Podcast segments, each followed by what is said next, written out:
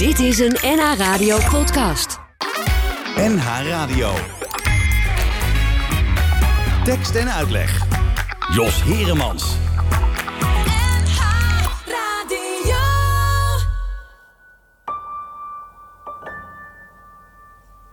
En nou, het eind nabij, zie ik het doek zich langzaam sluiten. Mijn vriend, geen punt voor mij. Ik sluit het boek, ken het van buiten. Geleefd heb ik voor twee, waar alles doen mijn grootste kick was. Maar meer, veel meer dan dat. Dit was waar ik was. En spijt, ja, af en toe. Maar af en toe doet niet ter zake. Ik deed wat ik moest doen zonder gedoe veel leven maken. Ik ging mijn eigen gang, ook wat voor mij geen vaste prik was, maar meer, veel meer dan dat. Dit was wat ik was. En al te vaak wie zag het niet? Schoot ik voorbij mijn eigen limiet. Al stond ik rood, verschoot mijn kruid. Ik frats op of spoog het uit. Ik hield me groot, ik vocht me dood. En was maar ik was. Je leeft met lach en traan, veel geoogst en veel verloren. En nou zie ik me staan en scheid het kaf van het koren. En kijk je strakjes terug, doe dan niet of het niks was. Nee, nee, dan zeg ik hé, hey, dit was wat ik was. Want wat is een mens, behalve dat waar hij voor staat en wat hij had. Ik zeg gewoon zoals het voelt en zwak niet af wat ik bedoel. Want einde rit staat zwart op wit. Dit was wat ik was.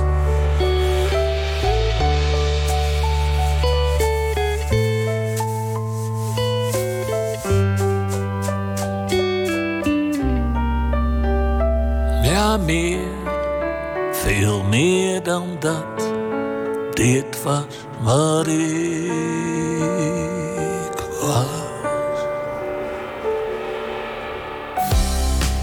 Goedemiddag, welkom bij eh, Tekst en Uitleg. Je hoorde aan het begin van Tekst en Uitleg Jan Rot, dat kan natuurlijk ook bijna niet anders. Gisteren is hij overleden, hij is eh, 64 jaar geworden, veel te jong natuurlijk. Een prachtige tekstdichter, Eh, zingen kon hij ook. Niet zo goed als dat hij kon tekstdichten, maar goed, dat maakt allemaal niet uit. Hij heeft maar liefst 800 liedjes eh, vertaald, als er niet veel meer zijn. En eh, daarbij eh, zijn niet alleen eh, liedjes eh, die we allemaal kennen, maar ook bijvoorbeeld de Matthäus Passion en liederen van Schubert. En eh, de musical Hair en Hello Dolly. Eh, kortom, het is een heel veelzijdige man. En eh, ja, wat dat betreft eh, zullen we hem altijd gedenken als eh, een taalvirtuoos. En dat is hij en dat blijft hij. Vanmiddag te gast in eh, tekst en uitleg. Janneke Siebelink, goedemiddag. Ik moet even je microfoon openzetten, want ik ben... ja, nu, nu Goedemiddag. zijn- goedemiddag. Daar zijn we dan. Janneke Siebelink. Nou ja, uh, Janneke, je hebt een boek geschreven. Soms sneeuwt het in april. Dat is je debuutroman. Uh, maar voordat we het over jouw boek gaan hebben... moeten we het natuurlijk even hebben over jouw achternaam. Ja, dat, daar ontkom je bijna niet aan. Want als je Siebelink heet, dan zegt iedereen... oh ja, Jan Siebelink. Ja, ja. dat klopt. En dat is jouw vader. ja, dat is mijn vader, ja. ja. Hoe is het uh, om met een uh, beroemde vader uh, op te groeien?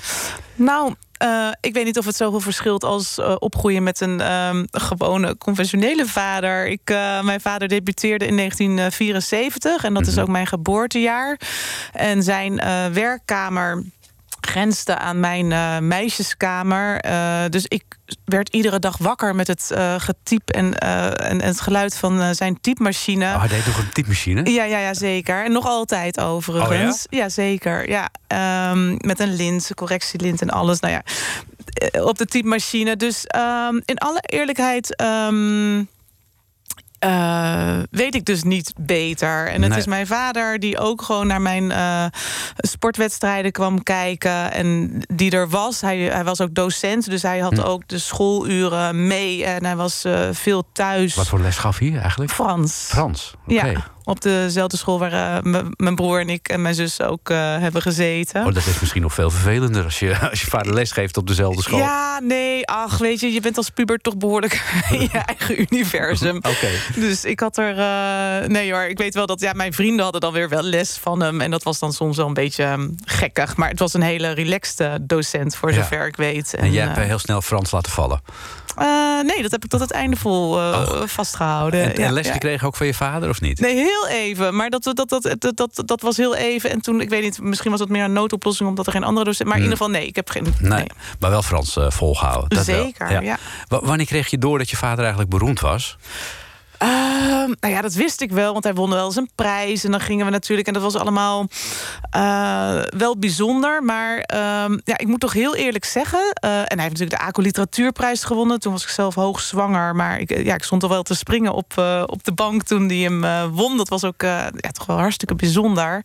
Maar ik moet heel eerlijk bekennen dat nu uh, ik zelf um, nou ja, dit boek heb geschreven en de dingen die op me afkomen.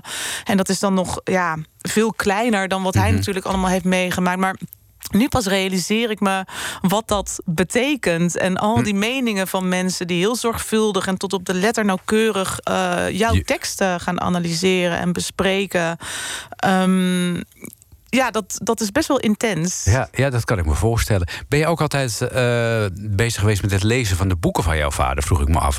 Want ik kan me ook voorstellen dat je als puber eh, van een schrijver, eh, een kind van een schrijver, dan denkt van nou, nou pa, succes ermee. Nee, maar hij drong het ook helemaal niet op. Of, Hmm. of, of nee, absoluut niet. En ik was, uh, ja, wij, lazen, of wij lezen zeker uh, zijn boeken. En ja, hij heeft veel geschreven. Dus Mhm. ik, ik, ik, ik denk dat ik eerlijk gezegd niet eens alles heb geschreven. Maar um, ik ging ook vaak met hem mee. Als hij Hm. lezingen gaf, dan ging Oh. ik vaak voorlezen uit zijn werk. En uh, ja, dus eigenlijk was ik wel heel erg uh, betrokken. Ja, jouw broer is ook gaan schrijven. Ja. Al- ja, eerder nog dan jij. Eh, Ja. ehm, het, het lijkt me als kind eh, ook een bepaalde belasting om dan eh, zeg maar eh, zelf ook te gaan schrijven. Het is Nou- een beetje hetzelfde als Jordi Cruijff die gaat voetballen. Ja, in eerste instantie dan moet ik dus zeggen dat de taal toch wel altijd een belangrijke rol speelt. Ik was altijd wel in de weer, ook op de middelbare school, lagere school, met briefjes, met zinnetjes en gedichtjes en gedichtenwedstrijden. En ehm, ja, nogmaals, en mijn taal dus wel heel erg. En mijn broer ook. Ehm,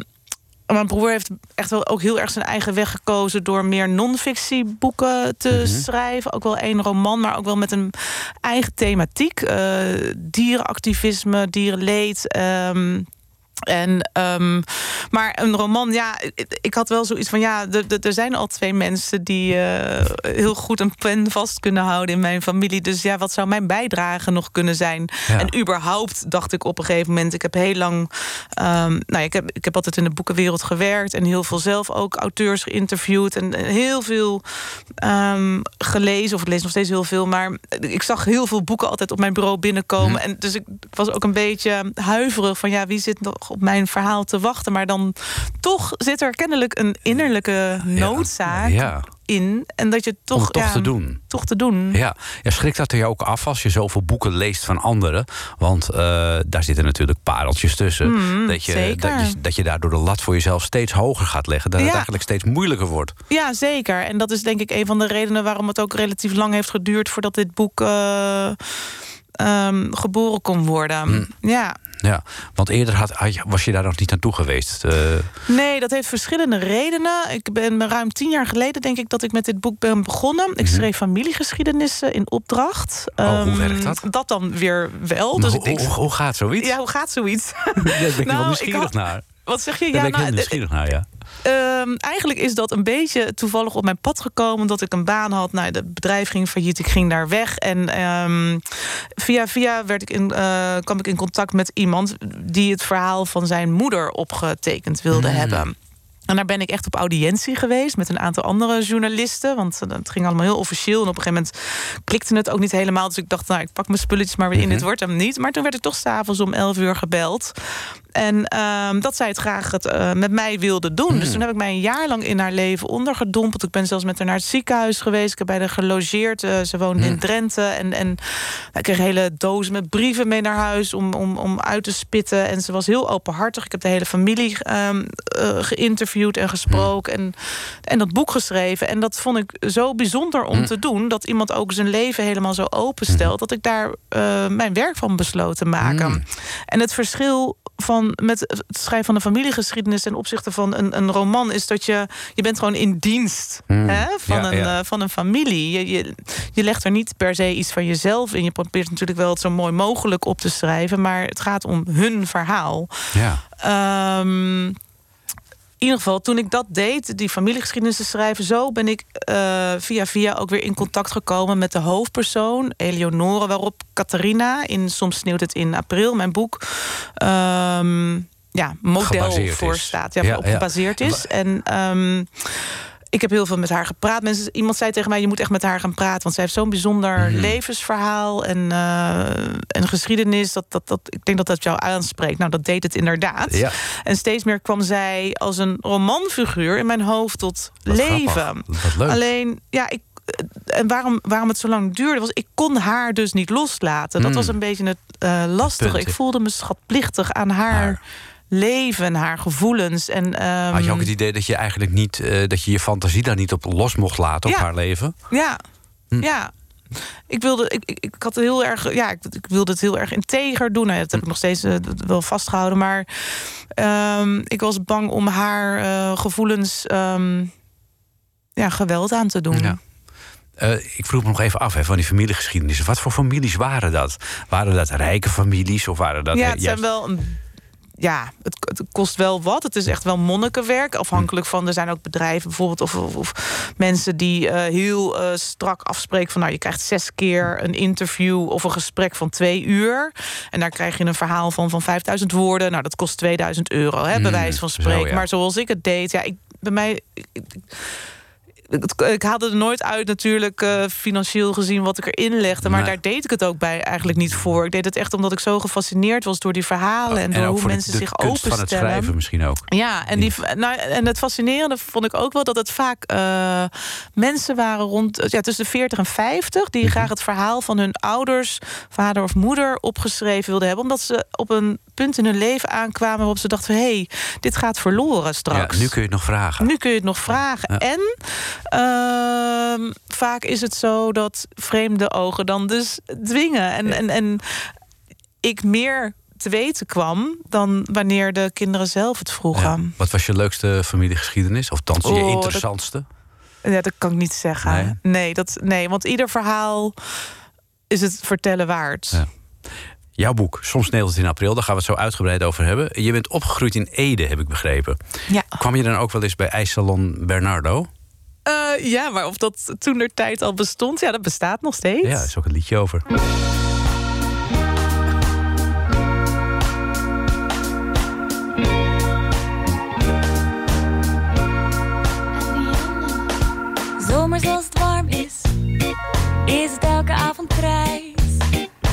Dan trakteert Bernardo in de ijssalon op ijs. We krijgen niet genoeg van, vanille mint maroon. Malaga, amaretto en citroen.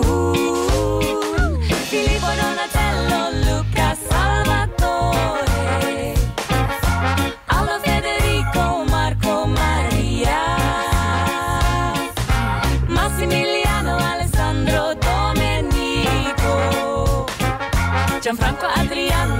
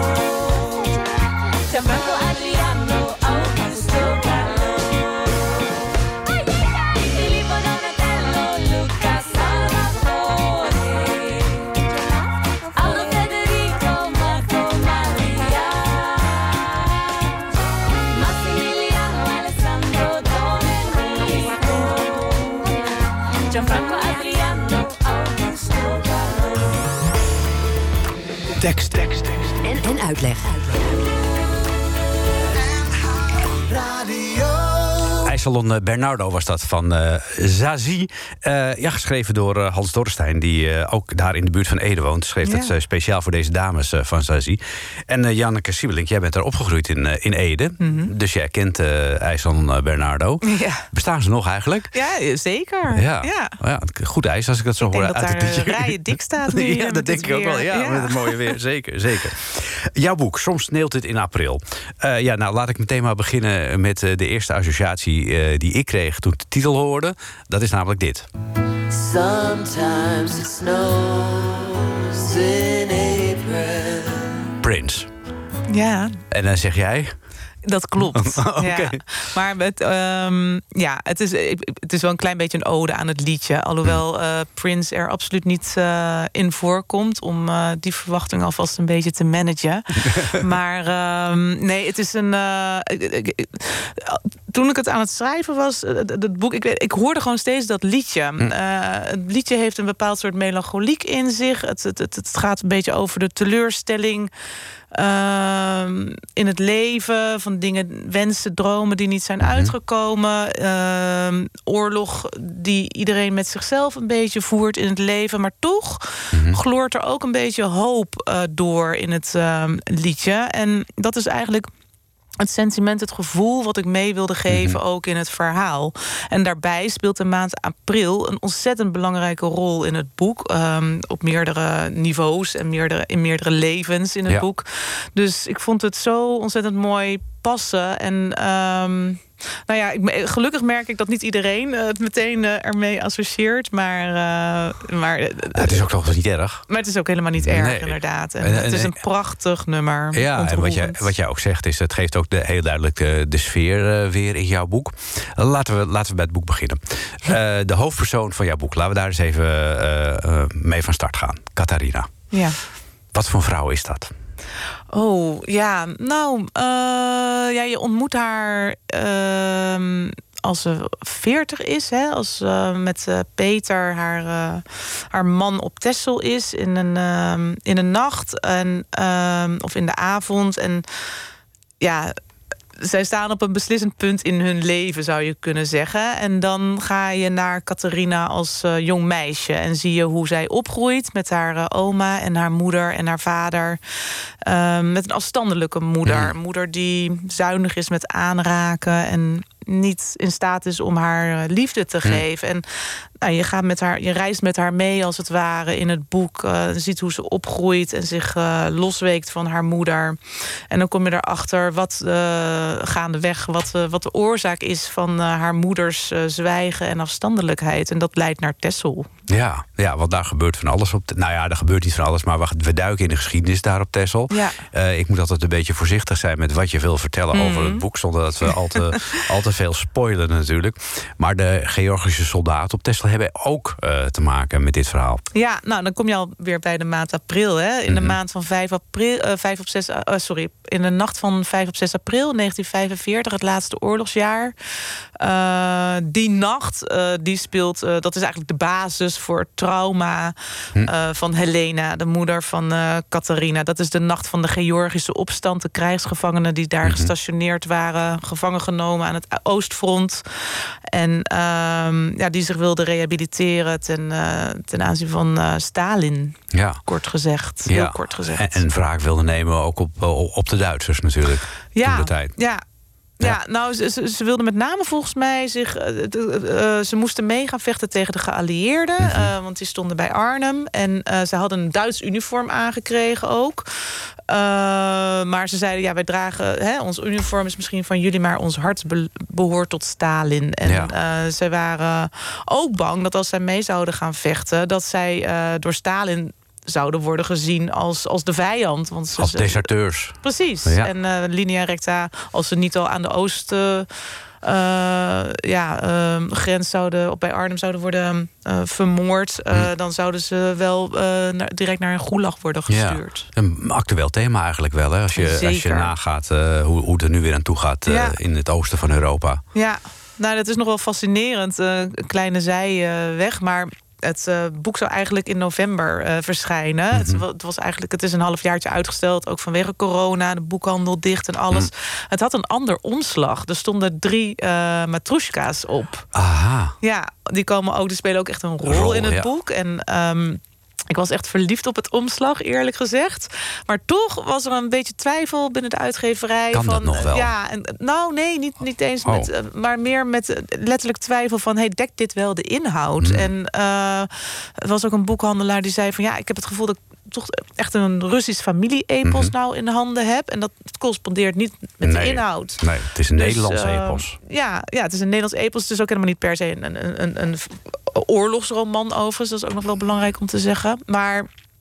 eh, dus op de valreep is het omslag nog helemaal veranderd. Er en staat, dat er is, staat nu een jonge vrouw op. ja, Wie is dat, als ik vragen mag? dat, dat kunnen alle drie de vrouwen zijn. Dat zou, zou Ah. oma, Helena en Catharina kunnen zijn. ja. Dat vind ik het mooie eraan. Ze Ja. is vrij tijdloos. En het lijkt alsof er een bladzijde in de geschiedenis wordt omgeslagen... Hmm. die naar Tessel leidt. Hè? Links onderin staat de Ja. vuurtoren van Tessel. Ja. En eh, hoe kwam je erop om het op Texel te laten spelen? Want eh, heb jij een, een speciale band met Texel? Of was je altijd geïnteresseerd in Texel? Nou, dat kwam met name toch door die Georgische opstand, door die Hmm. geschiedenis die daar eh, plaatsvond. En dat is ook toen ik dus begon met te praten met Catharina, of ja, Ele- Eleonore Oh. in het echt. Ehm, was, eh, waren er twee dingen die mij meteen heel erg aangrepen. En dat was, terwijl ze dat helemaal niet met zoveel woorden vertelde... maar ik zag meteen dat jonge meisje in, Mhm. in, in dat huis in Amsterdam-Noord... eh, in stilte opzwijgen en, en, en op een gegeven moment gepest worden... zonder dat zij weet wat er nou precies, met haar, wat er precies aan de hand is. Zij, zij is nergens schuldig aan, maar ze voelt zich dus wel, wel- constant schuldig. Ja, en anderen wijzen ook naar haar. En Precies, die- maar die ze heeft moeder geen krijgt op een gegeven moment een ei in de gezicht gegooid. dat soort maar dingen. waarom? Dat weet, dat Niemand. weet niemand. Of dat weet zij in ieder geval Niet. niet. En nou ja, kinderen zijn zo loyaal natuurlijk. En, en, en denken dat zij de oorzaak eh, van alles zijn. Maar dat was één punt. En het tweede was dat eh, zij dus vertelde over die Georgische opstand. En die oorlog in een oorlog op dat kleine eiland. Want de hele eh, oor- ja, vijf jaar lang eigenlijk een tamelijk rustige plek is geweest. Waar Duitsers ook naartoe gingen om juist te herstellen van alle ellende die ze hadden meegemaakt aan het front. En dat fascineerde mij zo, want ik, ik kende die geschiedenis niet. Die was mij niet onderwezen op de, op de middelbare school of lagere school tijdens geschiedenislessen. En ik ben me daar enorm in gaan verdiepen. Heel veel over gelezen. Arthur Chapet heeft er ook een film over gemaakt. De vliegenierste van Casbeck. En, en nou, er zijn heel veel. Nico Dros heeft er Oorlogsparadijs over geschreven. Er zijn een aantal non-fictieboeken over geschreven. En ehm gaandeweg bij mij steeds meer duidelijk dat dat, dat dat eiland daar heeft nog drie weken lang een zeer bloederige oorlog plaatsgevonden. Waarbij ook eh, nou ja, minstens 100 Tesla's om het leven zijn gekomen. En wat nog steeds zijn schaduwen werpt op, ook op generaties daar. Ja, dat is natuurlijk een bizarre toestand met drie van die eh, ja, tegenstrijdige partijen. Ja, Ja. ja precies. En dan ja. moet jij kiezen wiens lijn je wil volgen. Dat is best ingewikkeld. Ja, maar ik, maak, ik, ik, ik, ik, ik, ik vel geen oordeel, hè? Nee, nee, absoluut niet. Maar je, moet, Nee. je, je volgt wel een levensgeschiedenis... Ja. Die, die in aanraking komt met al die, eh, al die verschillende partijen. Ja, klopt. Maar wat ik wel heb getracht is toch. ehm, en dat is waarom ik zelf lezen ook. ehm, waarom ik zelf zo van lezen hou en van boeken. Dat je ook andere gezichtspunten leert Mm. te eh, zien. En, en, en dat het is niet zwart-wit, het is Mm. nooit zwart-wit. En dat is het grijze gebied Mm. waarin je zelf ook je zou kunnen afvragen: wat zou ik doen in die situatie? Eh, Ja. dat, dat vind ik razend interessant. Ja. En wat is het kantelpunt hè, van de mens? Dat Ja, dat is. ook. Nou ja, je ziet natuurlijk ook de verschillende reacties die volgen, natuurlijk. hè. Dat, dat geldt altijd na een oorlog. Nu ben je vrienden, zeg maar. Ja. Eh, en eh, morgen eh, kunnen de, de Amsterdammers tegen de Haarlemmers in opstand komen. En dan Ja. ben je vijanden van elkaar. En dat slaat heel snel om. Ja, en dat gaat het niet eens om de mens. Het gaat niet om het individu, maar er gaat dan om een groter collectief gevoel. Ja. Ja. Het is eigenlijk onbegrijpelijk. Ja. Ja, eh, we moeten er even over nadenken. Eh, we gaan zo verder praten. We hebben geen sneeuw, eh, althans niet meer op dit moment eh, hier. Wel in eh, Spanje, hè? eh, ja, in Spanje wel. ja. Wij hebben hier eh, in, eh, in, in onze omgeving op dit moment eh, wel eh, roze sneeuw. En daarover zingt dan weer eh, Angela Groothuis. En dat is typisch iets van de lente.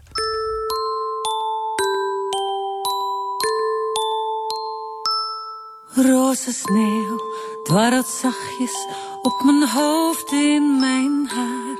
Roze sneeuw in de lente dwarrelt rond elk jaar.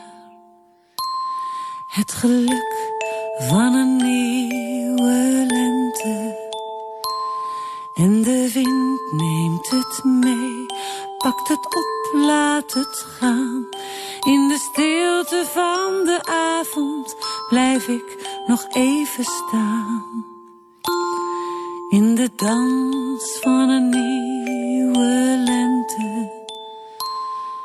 Een dans voor mij alleen, roze sneeuw danst om me heen. Het maakt me gelukkig als een kind zo blij. Roze sneeuw in de lente, blijf nog even bij mij. Maar de zomer staat te dringen en het roze wordt bruin. Dringt door ramen en deuren, vergane lentegeuren. In de gang, de kamer en in de tuin. En de zomer past los aan het einde van mei.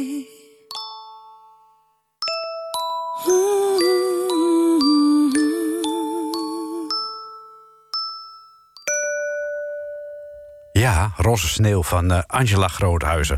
Met als enige begeleiding xylofoon. Zie je, je kunt met heel weinig middelen ook hele mooie liedjes maken. Dat blijkt wel weer. We praten in tekst en uitleg vanmiddag op deze zaterdagmiddag... met eh, Janneke Siebelink. Zij schreef Soms sneeuwt het in april. Een fascinerend boek dat je meeneemt eh, langs de familiegeschiedenis. Nou ja, niet helemaal de familiegeschiedenis... maar in ieder geval de levensgeschiedenis van... ja, van een vrouw eh, die op een keerpunt staat in haar leven. Zo kunnen we het toch wel zeggen, ja, ja, dat zeg je heel mooi. Ja, ja. en welke kant het dan op gaat, dat verklappen we niet. Eh, want dan, dan heb je het boek Nee, dat kun je le- kennelijk ook. Ik heb al van meerdere mensen dat, het, eh, dat je dat verschillend kunt interpreteren. Dus het is maar met welke blik je het leest. Dat denk ik ook, ja. ja. ja. ja, het boek liet mij achter met het idee... oké, inderdaad, het kan meerdere kanten op. Ja, En dan hangt het misschien ook een beetje van je eigen stemming af... welke kant je het op laat ja, gaan. dat was niet mijn intentie hoor. Is wel Maar het is wel, ja. Maar het, is het geen boek met een open einde. Nee, nee, nee. Wa- wa- Want eh, laten we het over intenties hebben. Ja. Eh, eh, wat was jouw intentie wel met het schrijven van dit boek? Wat wilde je ons lezer meegeven? Ja, dat, dat is ja, een hele goede vraag. En dat is ook niet iets waarmee je gaat zitten, zeg maar. Mhm. Maar wat, wel, wat ik eigenlijk pas achteraf echt kon Mhm. pinpointen. En dat is dat ik ehm, de lezer en, en Catharina ook, Mhm. de hoofdpersoon... eh, graag mee wil geven dat je zelf verantwoordelijk bent voor je leven en je Mhm. keuzes en ja, geluk. Dat is wel Mhm. misschien een beetje een uitgehold begrip inmiddels, maar toch dat je niet verantwoordelijk bent en niet moet lijden onder de keuzes eh, die je ouders hebben gemaakt. Ja, maar ja, soms is het moeilijk om daaronder Tuurlijk. vandaan te komen. Toch? Tuurlijk, het is makkelijker gezegd nu heel even snel. eh, Ja. Ja, hoe, hoe, dan ben, hoe, ben jij zelf, eh, zeg maar, eh, onder jouw ouders uitgekomen? Ja, nou, eh, ik refereerde, of ik zei daar straks iets over dat ik voorlas hè, Mhm. met mijn vader. En dat ik heel, heel, heel lang ben meegegaan ehm, ja, in zijn kielzog. Zo voelde dat een beetje. Mhm. Maar hij was tegelijkertijd ook echt heel erg trots. Ik ben een nakomertje. Mijn broer en mijn zus zijn respectievelijk zes en negen jaar ouder. En eh, ik denk dat hij het ook nog heel erg koesterde dat ik dan nog thuis woonde en dergelijke. Maar op een gegeven moment was het zo dat ik, eh, denk ik, eh, nou, 40 was. En dat hij ook weer vroeg van, ehm, nou, weer een nieuw boek. En, en wil je voordragen uit dat boek? En dat ik toen daarover heb nagedacht en toen, toen heb opgebeld. En zei, ja papa, ik heb zelf nu kinderen. Ik, ik, ik, ben, een- of ja, al Ja. langer, maar ik, ik, ik ben een volwassen vrouw. Weet je, het voelt gewoon niet meer goed. En ik, Nee. dat was wel. Ja, toen zei hij de legendarische woorden: Oh ja, je bent inderdaad niet meer zo jong. Dat ik dacht: Oké, dat was. Ja, nee, dat wilde wel. papa. Dat was iets meer dan ik nodig had. Dat bedoelde hij niet zo, uiteraard. Maar ehm, dat, is dus, dat heeft toen dus ook niet meer plaatsgevonden. En hij heeft het sindsdien ook trouwens niet meer Hm. gevraagd. Dus ik denk dat dat een soort van. Zou jij het leuk vinden als jouw vader Ja. jouw boek voorlas? Eh, ja, ik ben wel benieuwd welke, wat hij eruit zou halen en welke intonatie eh, hij zou gebruiken. Maar nee, nee, nee. Maar het is eigenlijk nu het vraagt, zou ik denken, wel, ik zou het best wel leuk vinden als mijn dochter er wat uit voorlas. Maar dat, ja, Ja, dat is ook wel... Hoe oud is jouw dochter? ze is 16. Ze, ze zit aan het lezen ook. Oh, oké. En, ehm, Ja. En laat je, laat je, eh, je, je dochter of je vader dan ook meelezen... Als, terwijl je het aan het schrijven bent? Nee, nee, nee, Nou. nee, nee, nee. Dat is nee, absoluut niet. Nee, mijn vader. Eh, nee. Ik heb wel eens af en toe iets met hem over, over bepaalde dingen Hm. gepraat. Over iets technisch, over het show-don't-tell-principe. hè. En, en, maar eigenlijk vrij weinig eh, inhoudelijk. En ehm, ook met mijn eh, dochter ook niet. Eh, nee, dat, dat. Maar nu het af is, eh, gaan ze wel aan de slag natuurlijk, hè, met lezen. Ja, ja, ja, ja, Ja. zeker. Ja. Ja. Maar mijn moeder heeft wel meegelezen. Oh, Mijn moeder die, die is heel secuur. En ehm, die haalde er dan dingen uit als... ja, maar Janneke, ze hadden toen helemaal nog geen theezakjes. Oh ja, of er zaten toen nog geen veeltjes onder de stoelen. En eh, die is heel... eh, ja, die, die heeft daar Ja, dat is wel mooi. Ja. Die details zijn natuurlijk ook heel belangrijk... omdat je natuurlijk meerdere generaties beschrijft. Ja, En je, hey, je beschrijft ook een, een situatie in Amsterdam-Noord... in, in Floradorp, waar die eh, grote vuren toen nog waren. ja, precies. En eh, ja, dat, dat, dat, daar, ja, daar moet je natuurlijk wel de, de, eh, goede research voor doen. Ja, en dat is eh, een van de leukste dingen, eerlijk gezegd. Ja? Maar eh, eh, daar kan ik me ook enorm in verliezen. Dus voor je het weet ben je dan een paar uur verder om te onderzoeken eh, waar die vuren dan precies waren. En was dat dan nog wel? En eh, Wim Kan komt erin voor en zijn eindejaarsconferences. En net in het jaar dat ik het wilde laten plaatsvinden, had hij geen conferentie. Dus Nou dan ja. moest ik het helemaal, al die, eh, eh, moest ik toch de tijd aanpassen, eh, zodat het toch wel. Ik wil, ik wil wel dat dat klopt, want Ja. anders ondermijnt dat de leeservaring. En dat is zonde. En ik kreeg al terug van iemand van... oh, maar Janneke, van Eleonore zelf overigens, want die heeft gereageerd, die heeft het gelezen. Ja. En die, ik heb haar echt op het hart gedrukt. Het is een roman, weet je. Ik, Mm. ik heb jouw leven geleend en ik geef je er een ander leven voor terug, Terug, ja. eigenlijk. Maar toch, ze kon het niet loslaten. En ze zei ook van, ja, maar Janneke, mijn moeder... zij had helemaal geen eh pilletje, doordruk, door, doordrukstrips. Die werden nog gewoon gemaakt door de, door de apotheek. En ze stuurt meteen ook zo'n foto van, een potje. Van een potje door. ja. echt heel leuk. En het, maar ze vertelde ook wel dat, het, dat dat dus af en toe ook wel schuurde. Omdat ze zei, ja, mijn moeder ging niet dementeren. En ja, in het boek eh speelt Dus dat wel wel, een belangrijke ja, rol. ja. Ehm, dus ja, ik kan me voorstellen dat het voor haar best wel ook een beetje schizofreen bijna is. om, Ja, je, eh, je ziet een beetje je eigen, je wil je eigen leven voor je, maar Ja. toch ook weer anders. En je wilt natuurlijk die controle hebben. Ja, ja, ja, ja, zeker. maar ja, dat, eh, als je eenmaal een romanpersoon bent, dan is dat niet meer mogelijk. Hoe ben je maar ze vindt het vooral heel mooi, hoe, gelukkig. hoe ben je Eleanor op spoor gekomen? Zeg maar de, de, de ja, moeten we het zeggen, de, de persoon die je als voorbeeld hebt genomen Ja, voor jouw nou, hoofdpersoon? dat, de- dat is dus he- ja, al ruim tien jaar geleden, toen ik familiegeschiedenissen schreef, eh, ben ik via, via een redacteur eigenlijk eh, die haar verhaal had gehoord ehm, op het spoor. eh, of ja, die had mij met haar in contact gebracht. Mhm. Eh, Zonder verwachting, hè, zonder eh, van daar moet jij iets mee. Maar ja, misschien was er, werd er toch wel al een zaai- zaadje geplant van. ehm, dat, dat men aanvoelde Wat van daar fascineerde je moois. zo in haar verhaal? Wat, wat, was, wat was het triggerpoint? Ehm, ja, er zitten aspecten in haar leven die ik trouwens ook verder niet heb verwerkt in het eh, boek. En ehm, die mij ook heel erg fascineerde. Namelijk dat haar eigen kinderen eigenlijk niet geïnteresseerd zijn in haar levensgeschiedenis. En wat daar zit, ja, dat zou bijna een ander boek kunnen zijn. En dat ik denk van zit daar dan ook nog iets van Verborgens? schuld of, of gevoel. Hmm. Iets indirect. En ik moet inderdaad voorzichtig zijn met mijn woordkeuze nu. Maar ehm, en eh, dat zij ontzettend sterk over, eh, overkomt. Of een Mhm. hele sterke vrouw is die zich eh ogenschijnlijk niet ehm, laat afleiden door emoties. Mhm. Of, maar er zit wel natuurlijk heel veel. heel veel verdriet en, ehm, en een verleden. Maar Ehm, nou ja, het is met name toch. Ik zag meteen eigenlijk, zodra zij begon te vertellen, dat meisje voor me in Amsterdam Noord. Met die familie en, ehm, en al die hogere machten die boven haar hoofd haar leven beïnvloeden. Zo'n onschuldig meisje wat, wat, wat er niets aan kan doen. En er gebeuren ook allerlei dingen die in die tijd ook echt kunnen. Hè. Er gaan mensen dood terwijl ze aan het werk zijn. Dat soort dingen allemaal meer Ja. die tegenwoordig... eh, eh, gebeurt dat niet? Is dat echt heel opmerkelijk als dat gebeurt? Maar in de Amsterdamse haven viel er wel eens iemand van een dekschuit af. En dat soort dingen. Ja, ja, en dat is ook weer bepalend. Ze verliest veel al op jonge leeftijd. En Ja. dat is overigens echt totaal aan mijn verbeelding ontsproten. Dus, Mhm. eh, maar eh, ja, ze krijgt eh, klap naar klap te verduren... en, en leert eigenlijk, geeft nooit het hele hart. Nee. Nou, we gaan straks verder praten. Eh, ik wil eerst even luisteren naar Ricky Kolen. Eh, want die heeft een nummer van Jules de Korte bij de hand genomen. En eh, daar komt dan het volgende uit.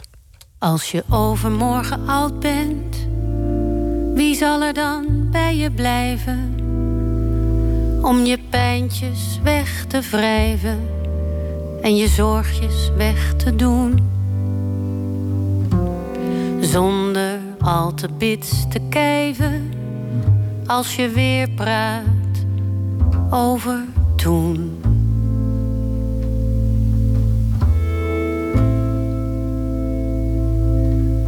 Als je overmorgen oud bent, wie zal je dan moed inspreken? En wie helpt je oversteken? Als het niet alleen meer gaat. En wie zal de stilte breken die als ijs rondom je staat?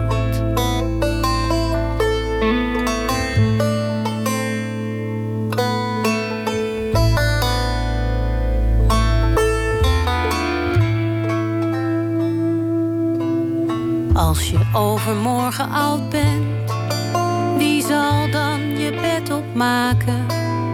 En wie doet je kleine zaken? Wie zorgt er voor je brood? En wie zal er bij je waken op de avond voor je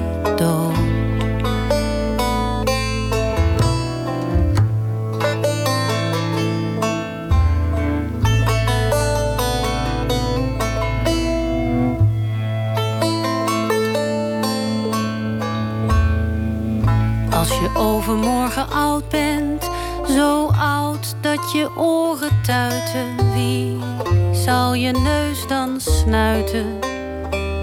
Wie helpt je op te staan? En wie zal je ogen sluiten als ze niet vanzelf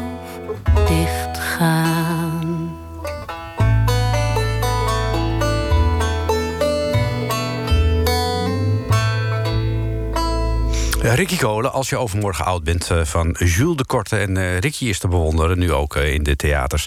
In het stuk Volkstuin Complex. Eh, dus ik zou zeggen, als je Ricky wil zien in het theater, dan kun je daar naartoe. Het schijnt een hele mooie voorstelling te zijn. Ik heb nog geen tijd gehad om daarna te gaan kijken, maar wie weet komt dat nog. Het is tenslotte tijd voor de Volkstuin. Dus, hè. Janneke Siebelink, soms sneeuwt het in april. Eh, we gaan niet al te veel verklappen over het boek. het is wel een boek wat, je, moeilijk, wat je van het begin tot het eind in één keer meeneemt. En dat is natuurlijk een kunst op zich. Welke eh, technieken gebruik jij om die lezer er steeds maar bij te houden? Want het is, ja, je, je, je, je surft als het ware van het begin tot het eind. Ja. Ja, broodkruimeltjes noemde mijn redacteur dat. Ah, eh, je moet broodkruimeltjes achterlaten, Janneke. Speldenprikjes. En eh, nou, moet ik eerlijk bekennen, het verhaal heeft wel 30 gedaantes gekend. En Hm. ehm, op een gegeven moment belde ik eh, Harold, mijn redacteur, eh, op. Ik zei, Harold, en het was eigenlijk vrij op het laatst van het proces. Ik heb het allemaal, ik heb het helemaal anders gedaan. Hij zei, wat? Nou, En, hoe durf je? ja, ik had het perspectief heb ik toen veranderd. Het was eerst vanuit ik geschreven, maar toen ging het toen. Ja, dat gebeurt altijd s'nachts natuurlijk. Dat Mhm. soort eh, ingevingen krijg je dan. En toen dacht ik, nee, dat is niet mooi, want het moet juist eh, vanuit derde, hè, derde persoon enkelvoud. eh, dan krijg je veel meer, krijg je die afstand tot die persoon. En dat is juist heel Ja. erg mooi. Ja, en wat je ook mooi doet, is dat je steeds vanuit een ander perspectief kijkt. Dan kijk je vanuit Catharina, dan kijk je vanuit Peter, Ja, dan kijk klopt. je vanuit Friedrich. Maar dat was nog een hele uitdaging. Want ik was heel erg bang dat daar dan een stelbreuk zou komen. Hmm. Dat je dus bij iemand zit. Want dat Mhm. was ook altijd mij heel erg ingeprent. Als je bij iemand zit, dan moet je daarbij blijven. In de scène blijven. Maar dat, is, dat heeft toch uiteindelijk heel mooi uitgepakt. En die tussendelen, dat waren eigenlijk drie losse mhm. fragmenten. Maar die heb ik op een gegeven moment ook helemaal... Ik heb alles uitgedraaid en helemaal door de kamer heen gelegd. En Oh helemaal ja? door elkaar verweven. Eh, en toen dacht ik, ja, zo moet het zijn. Ja, het, het, het, het Ja, blijft een mysterieus Knutselwerk. proces. Ben jij een schrijver die overal gele briefjes op hangt? Ja. Oh ja, nou, een dolle boel dan ja, thuis. Ik heb overal, eh ja, overal eh friemelpapiertjes Ja. liggen met aantekeningen. En waar schrijf je dan? Heb je een apart schrijverskamertje? Of ga je het liefst een week op een eiland zitten? Of, Nee, ik heb een apart kamertje. Wat grenst nu ja, aan de kamer van mijn zoon. Zoontje, zoon 13. En eh, die trapt dan af en toe zo tegen de muur. eh, niet wetende dat ik dan in gedachten verzonken zit. Maar dan wilde hij een eh, lekker bordje. Wilde hij iets lekkers eten. dat wordt wel weer tijd. dat, Ja, afhankelijk van hoe ik me voel, krijgt hij dat ook meestal wel hoor. Maar Ja. dus het houdt je met beide voeten op de Ja. grond. Dat is echt heel erg prettig. En hij, hij blijft maar zeggen dat hij nu heel erg trots is. Want hij heeft het wat dichtbij ja, Het hele proces meegemaakt het natuurlijk. zwoegen. Ja, En soms ook de tranen. Omdat ik het soms dan echt niet meer even... dan, dan zie je het niet meer zitten. Nee. En dan weet je niet meer hoe je verder moet. Nee, dan weet je niet meer hoe je verder moet. En dan denk ik van ja, wie zit hier, wie vraagt hier om? Of, eh, Nou, ik denk heel veel mensen, want het is een mooie geschiedenis. En wat, wat, wat zo leuk is, is dat je die geschiedenis van die Georgische soldaten... en natuurlijk eh, de dubbelheid van hoe wij ten, ten opzichte van de Duitsers stonden... hmm. eh, ten tijde van de Tweede Wereldoorlog en de bezetting... dat je die weer heel goed ja, over het voetlicht brengt. Ja. Ja, ik, eh, ik ben ook op Texel geweest. En, en ook daar zeiden ze dat ik het eh, goed had gedaan. Nee, ik, ik vond het heel spannend, want dat is toch een soort van... Ja, dat zijn Ja. de mensen die erover kunnen oordelen Zo, natuurlijk. En die ja. er dichtop hebben gezeten in die tijd. zeker, zeker. Maar eh, ze konden niks, ze konden geen foutje ontdekken. Ah, nou, gelukkig, gelukkig. dus als jij de volgende keer op Texel komt, dan zeggen ze... oh, dat is de Janneke Siebelink. Die heeft een Ja, goed, nou, goed, ik- goed boek over ons eiland geschreven. Ik hoop het. Ja, Ja. Is dit nou voor jou, want dit is je, je debuutroman... is dit nu het begin van je schrijverscarrière? Ja, eh, nou, ik heb wel de smaak te pakken, Hm. eerlijk gezegd. Maar het is wel. ehm, ik denk dan van, oh, ik kan nooit meer zo'n boek schrijven als dit. Maar dat Mhm. moet natuurlijk ook helemaal nee, het moet een niet. heel ander boek worden. Je moet een heel ander boek schrijven. En, eh, maar ik, ik, ik, moet nog even het, het, het juiste onderwerp ehm, krijgen. Want ik, ik, ik Hm. moet zeggen dat ik zelf... Je moet, ze zeggen van je, je, je moet het boek schrijven wat je zelf graag wilt lezen. Nou, dit is echt precies het soort boeken waar ik zelf heel erg van hou. Mhm. Dat je, nou inderdaad, die verschillende gezichtspunten... dat je ook echt een stukje geschiedenis, dat je iets leert... Mhm. van hoe de dingen waren. En ehm, ja, dat, dat, dat- dat- daar zit ik nog een beetje naar te kijken van hoe eh, Isabel Allende doet dat. Niet dat ik me daarmee durf te vergelijken, maar in ieder geval zij doet dat ook. Hè, zo van eh, hoe grote eh, wereldse gebeurtenissen invloed hebben op. op, op ja, gewone Individuele leven. individuele Le- levens. En Ja. dat, dat vind ik ontzettend fascinerend. Dus ik zit daar. En, en wil je dat het liefst een beetje dicht bij huis houden? Want ja, je kunt natuurlijk ook in andere landen gaan kijken. Maar in Nederland zijn er natuurlijk ook nog heel veel van dat soort verhalen. Ik wou net zeggen, er is hier nog eh, volgens mij heel veel valt hier nog eh, te ontdekken, te En he- ontginnen. Ja, en heb je dan eh, ook het idee van... het moet wel iets te maken hebben met die, met die Tweede Wereldoorlog? Of, of is dat niet iets wat je speciaal fascineert? Nee, dat niet per se. Maar ik moet wel heel eerlijk zeggen dat ik daar een enorme fascinatie mee heb. En heel vaak, kijk, het- het- alles, alles wat los en vast zit, eh, verslind ik. eh, en, en soms dan, eh, ja, dan komt mijn man thuis en dan zit ik eh, een film over de Tweede Wereld te kijken. En dan zegt hij: Oh, dan zit je weer je, je favoriete gezellige films te kijken. Ben je weer ja, bezig ik- met de oorlog? Nou ja, ik heb er wel eens, ik las er een keer een interview met iemand over die kennelijk ook diezelfde fascinatie heeft, maar dan met de Eerste Wereldoorlog. Mhm. En die zei van ja, het is ook ehm, op een bepaalde manier eh, prettig om jezelf dan weer uit die loopgraven Hmm. te hijsen en weer in je eigen leven te staan en te zien. Het valt allemaal wel mee. Ja, met het leven zoals wij dat hebben. Want wij leven natuurlijk een enorm luxe leven... als je het daarmee vergelijkt. Juist. Wat me wel altijd fascineert, eh, zo- zowel bij die Eerste als die Tweede Wereldoorlog... van hoe is dit in godsnaam mogelijk? Ja. Dat denk ik eigenlijk nu weer in Rusland. Van, waarom doen mensen dit? Ja. Eh, hoe- Nee, het is onbegrijpelijk. Onbe- Het is- het- het is- dat- dat- is misschien ook iets dat je daarna blijft kijken... omdat je toch ergens misschien probeert een antwoord te- vinden op die vraag. Ja, nou ze zeggen ook wel dat in de Tweede Wereldoorlog eigenlijk alles samenkomt. Hè? Hm. Dat daar gewoon alle thema's eh, die eh, mensenleven raken, dat, dat die daarin ehm, ja, gesymboliseerd zijn. Het goede, het kwade.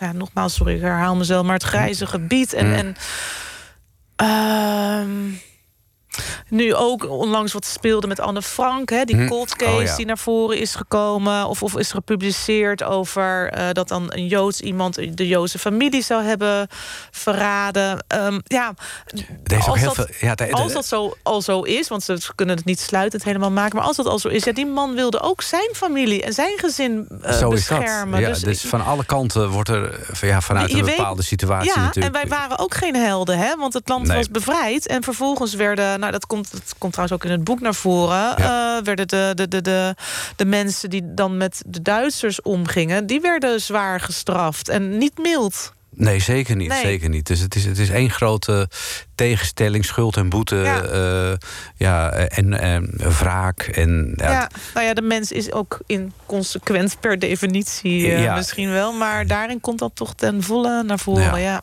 Nou, misschien eh, als we dit boek hebben gelezen... dat we een klein stapje verder zijn bij het begrijpen van dat soort thema's. En de mensen in godsnaam proberen een beetje vrede te stichten zo her en der. Dat is, je kunt beter een boek lezen dan ten oorlog trekken, zeg ik altijd maar. Juist, dat sowieso. ja.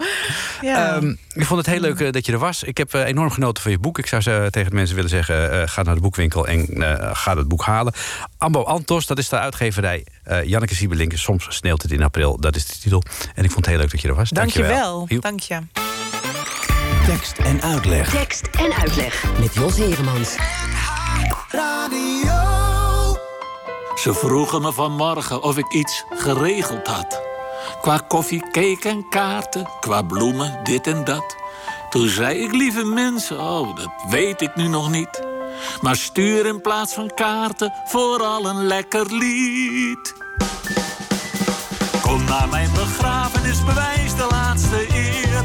Kom naar mijn begrafenis, erken dit is de laatste keer. Wees allen erfgenamen bij mijn afscheid van het feest. Beleef nog één keer samen dat ik er ben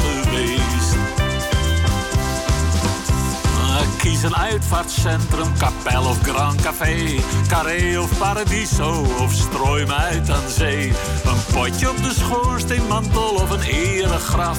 Ik heb één laatste wens, maar daar doe ik niets aan af.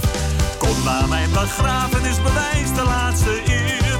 Kom naar mijn begrafenis, erken dit is de laatste keer. Wees allen erfgenamen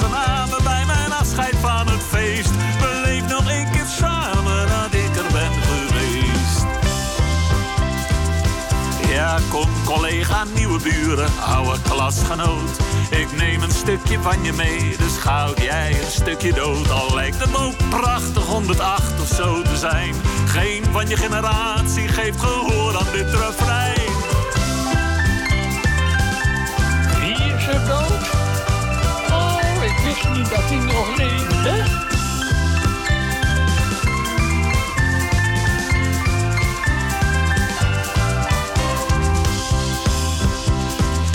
Ik heb er zelf geen weet van dan, maar lach bij het idee.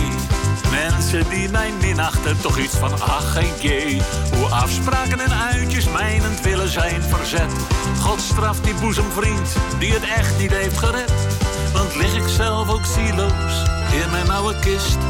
Je weet toch zelf hoe fijn het voelt als iedereen er is. Dus doe het voor mijn kinderen en doe het voor mijn vrouw. Maar reken niet op wederdienst. Ik kom dus niet bij jou. Kom naar mijn begrafenis, bewijs de laatste eer. Kom naar mijn begrafenis, herken dit is de laatste keer. Wees allen erfgenamen bij mijn afscheid van het feest. Leef nog een keer samen dat ik er ben geweest. Als ik strakjes dood ben, drink een biertje aan de bar. Als ik strakjes dood ben, drink een biertje aan de bar. Als ik straks dood ben, drink een biertje aan de bar.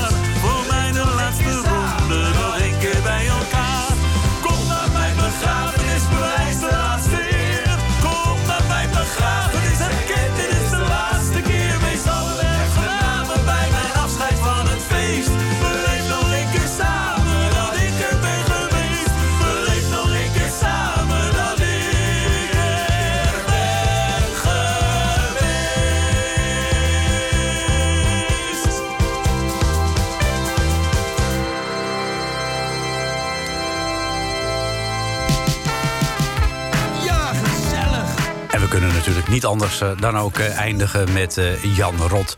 Het nummer dat je hoorde heette In plaats van kaarten. Hij heeft er overigens zelf om gevraagd geen uitvaart te organiseren voor hem... maar hij wil in stilte gecremeerd worden. Straks, na zevenen, het Gouden Hitsmuseum van Ferdy Bolland. En over twee weken dan zul je merken dat eh, tekst en uitleg een uurtje langer doorgaat.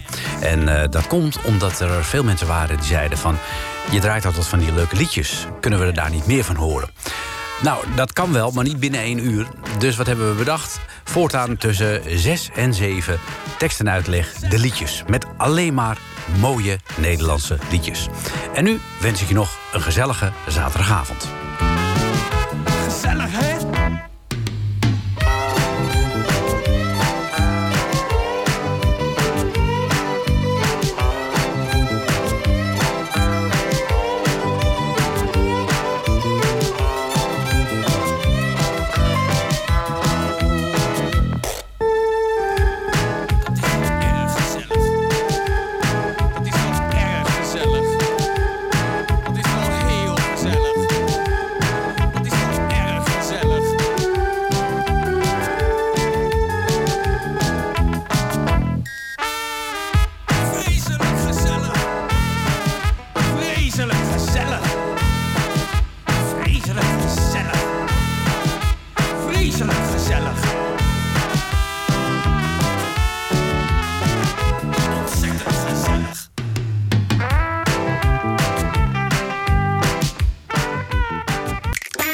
Was een NH Radio podcast. Voor meer, ga naar nhradio.nl.